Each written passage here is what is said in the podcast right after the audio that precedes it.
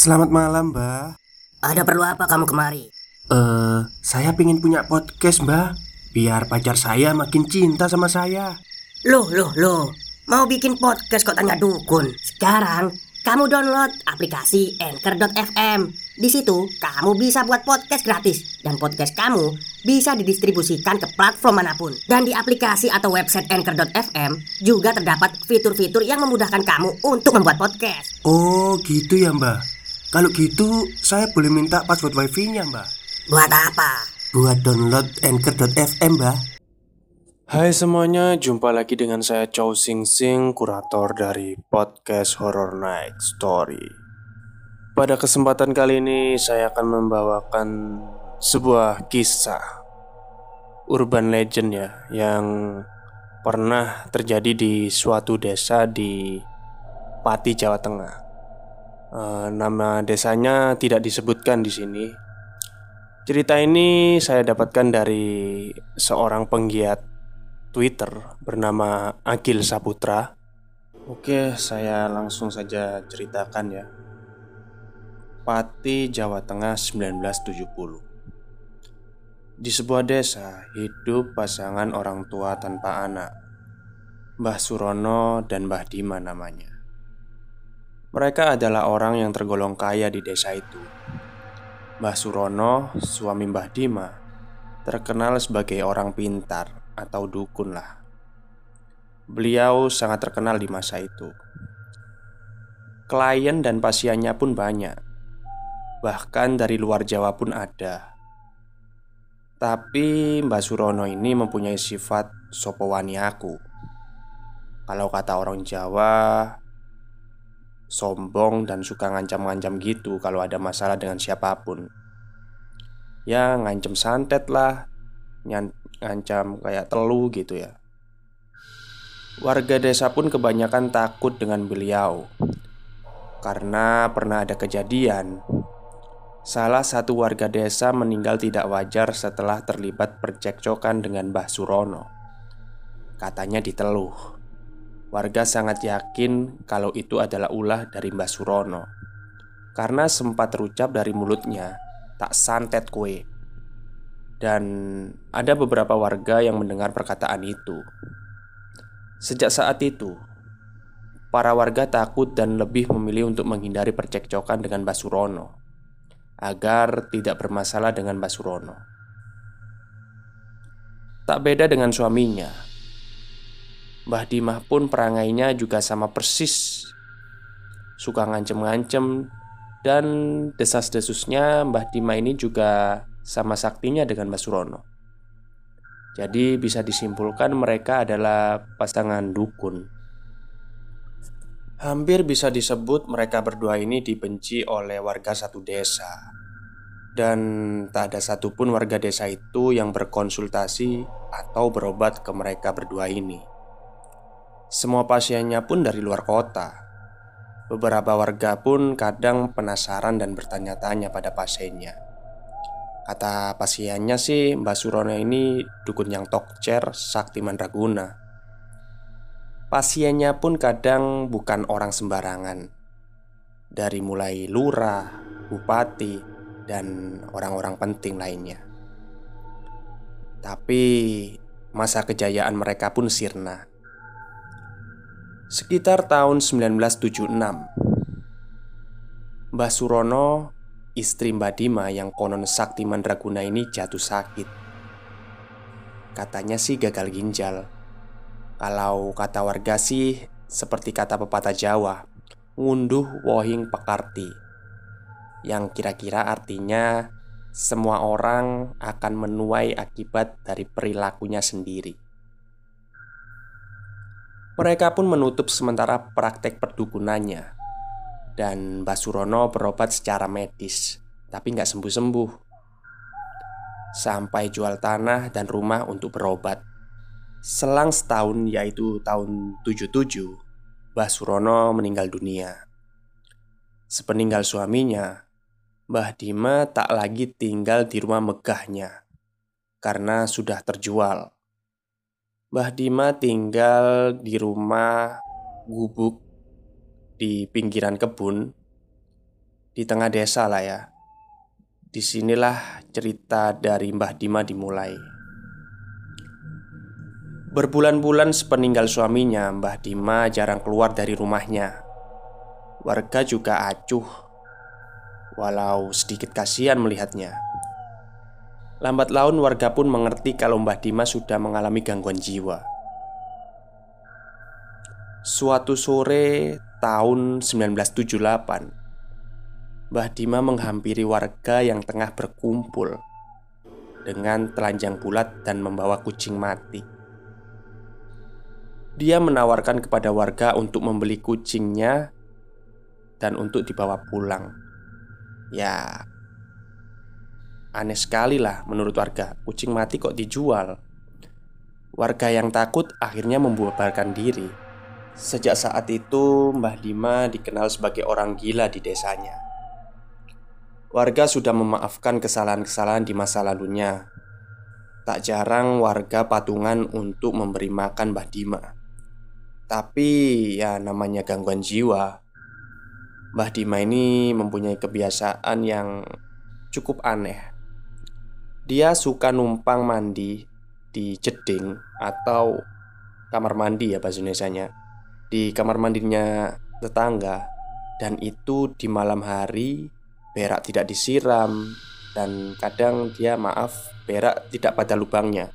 Jadi rata-rata ya orang zaman dulu itu kalau punya kamar mandi itu di luar uh, Alias misah dari rumahnya itu Hampir semua kamar mandi warga di desa itu Atau jeding ya bahasa Jawanya itu Pernah dimasuki oleh Mbak Dima Dan yang paling ngeselin adalah Mbak Dima itu selalu berak di situ Dan gak pernah disiram Sampai-sampai semua warga di desa itu memasang gembok di setiap kamar mandinya.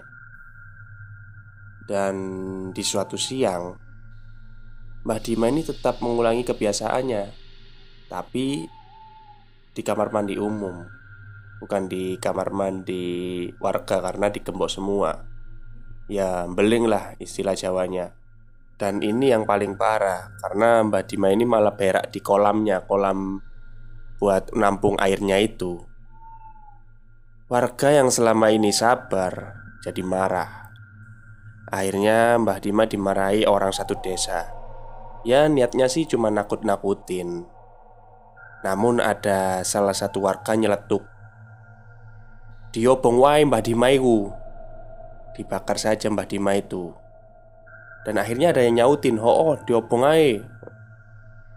Mbah Dima ketakutan dan menangis. Tapi anehnya dengan keadaan telanjang bulat, Mbah Dima berdiri dan mengeram seperti orang kesurupan. Lalu dia menggigit maaf payudaranya sendiri sampai luka dan lari pulang ke rumahnya. Sejak saat itu Mbah Dima tidak terlihat lagi Sekira sebulan Warga mulai bertanya-tanya tentang ke mana dan di mana Mbah Dima Warga pun mengecek ke rumahnya dan ditemukan Mbah Dima sedang menggigil demam, telanjang, tertelungkup di bilik kamarnya. Sepertinya sih payudara yang tempo hari digigitnya mengalami infeksi. Dibawalah Mbah Dima ke bidan desa karena rumah sakit sangat jauh saat itu. Tapi lukanya sudah parah dan membusuk Akhirnya Mbak Dima dirujuk ke rumah sakit Tapi dua hari dirawat di sana Mbak Dima meninggal dunia. Jenazahnya pun diantar pulang untuk dimakamkan. Ya ini sih cerita warga ya. Jadi kalau gali makam kan panjangnya 2 meteran lah. Tapi setiap jenazah Mbak Dima diturunkan ke liang lahat Gak tahu kenapa selalu kurang panjang Dilebaran lagi kurang panjang Sampai berkali-kali dilebarin Akhirnya jenazah Mbak Dima dikebumikan dengan kepala sedikit ditekuk Yaitu kesaksian narasumber Stop, stop. Kita break sebentar. Jadi gimana? Kalian pengen punya podcast seperti saya? Jangan pakai dukun, pakai Anchor. Download sekarang juga. Gratis. Setelah pemakaman selesai, warga memutuskan untuk membersihkan rumah Mbah Dima dan ditemukan barang-barang aneh di rumahnya seperti tulang-tulang hewan dan bangkai-bangkai kucing. Kalau kucingnya satu sih nggak apa-apa ya, namun ini ada beberapa kucing di situ. Tapi memang warga sekitar tahu kalau Mbah Dima itu dari dulu memang suka memelihara kucing. Setelah bersih-bersih rumah, warga pun beraktivitas seperti biasanya. Tapi tiga hari setelah kematian Mbah Dima, teror dimulai. Pati Jawa Tengah 1979 Pak Sunari terbangun di tengah malam karena mendengar suara berisik air di kamar mandinya. Seperti tidak sadar Dia mengambil senter dan keluar dari belakang rumahnya dan berteriak Mbah Dima menaiku mesti. Ini pasti Mbah Dima lagi Itu katanya. Sambil menyoroti dengan senternya Pak Sunari mengambil batu Dan melemparkannya ke arah pintu kamar mandi. Keluar Minggat ora kue Terlihat Mbah Dima keluar sambil cekikikan dan hilang di kegelapan. Dan selang beberapa saat kemudian Pak Sunari baru sadar. Loh Mbah Dima itu kan sudah mati. Dengan penuh kepanikan, Pak Sunari buru-buru masuk ke rumahnya. Keesokan harinya, Pak Sunari cerita ke warga, dan ternyata ada sekitar 4-6 orang yang mengalami kejadian yang sama. Mereka juga awalnya seperti tidak sadar kalau Mbah Dima ini sudah meninggal. Dan yang parahnya lagi, selang beberapa hari rumah Pak Lurah diteror Yang mana itu padahal kamar mandinya itu ada di dalam Bukan di luar seperti warga ya. Gak mungkin orang bisa masuk lah ya. Jadi di jam yang sama Pak Lurah mendengar suara orang mainan air di kamar mandinya. Setelah dilihat Ternyata ada Mbah Dima Kungkum Atau uh, berendam masuk di kamar bak mandinya. Kali ini Pak Lurah sadar kalau itu demitnya Mbak Dima. Karena Pak Lurah sudah pernah dengar dari warga sebelumnya Dan akhirnya dibuktikan sendiri oleh Pak Lurah. Tak lama kemudian setelah Pak Lurah menutup pintu kamar mandinya dan kaget Mbak Dima menghilang. Tujuh hari berturut-turut kejadian itu terulang Bahkan hampir seluruh jeding Atau kamar mandi warga Didatangi oleh Mbah Dima. Warga mulai berpikir Apa karena tidak pernah didoakan ya? Soalnya warga desa tidak tahu agama Mbah Dima itu apa. Uh, Apa mungkin kejawen atau agama lain gitu. Tapi atas saran kebanyakan warga Mbah Dima didoakan dengan cara Islam. Para warga berdoa tahlilan di makam Mbah Dima. Dan menurut kesaksian narasumber saat proses tahlilan, semua orang di situ mencium bau busuk yang sangat tidak sedap. Persis seperti saat Mbah Dima ditemui di rumahnya dalam keadaan sakit demam. Setelah tahlilan ternyata gangguan itu tetap ada. Mbah Dimas selalu melakukan kebiasaan-kebiasaan buruknya di masa hidupnya. Ya Berak di kamar mandi itu. Namun ini bedanya nggak ada beraknya ya Cuma mengganggu itu aja di kamar mandi. Sampai-sampai Kalau malam-malam dengar suara di kamar mandi Atau suara ada orang yang memainkan air di kamar mandi Warga memilih diam ketakutan. Cerita tentang Mbah Dima ini heboh meluas sampai keluar desa dan pada akhirnya terdengar oleh seseorang yang katanya teman seperguruan Mbah Surono, suami dari Mbah Dima. Atas saran beliau, kuburan jenazah Mbah Dima ini harus dipindahkan ke rumahnya. Warga pun menuruti saran itu. Rumah Mbah Dima digempur ratakan dan jenazah Mbah Dima dipindah makamkan di situ. Dan alhasil memang benar. Setelah itu teror hantu Mbah Dima sudah tidak ada lagi. Baik, terima kasih kepada seluruh pendengar yang sudah mendengarkan cerita malam ini dari saya Chow Sing Sing.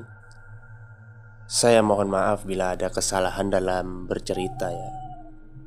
Jadi ini merupakan urban legend yang berkembang di salah satu desa di Pati Jawa Tengah. Mungkin ada yang daerah Pati bisa dicek kebenarannya ya. Baik, itu saja yang bisa saya sampaikan malam ini. Kurang lebihnya saya mohon maaf. Selamat malam dan selamat beristirahat.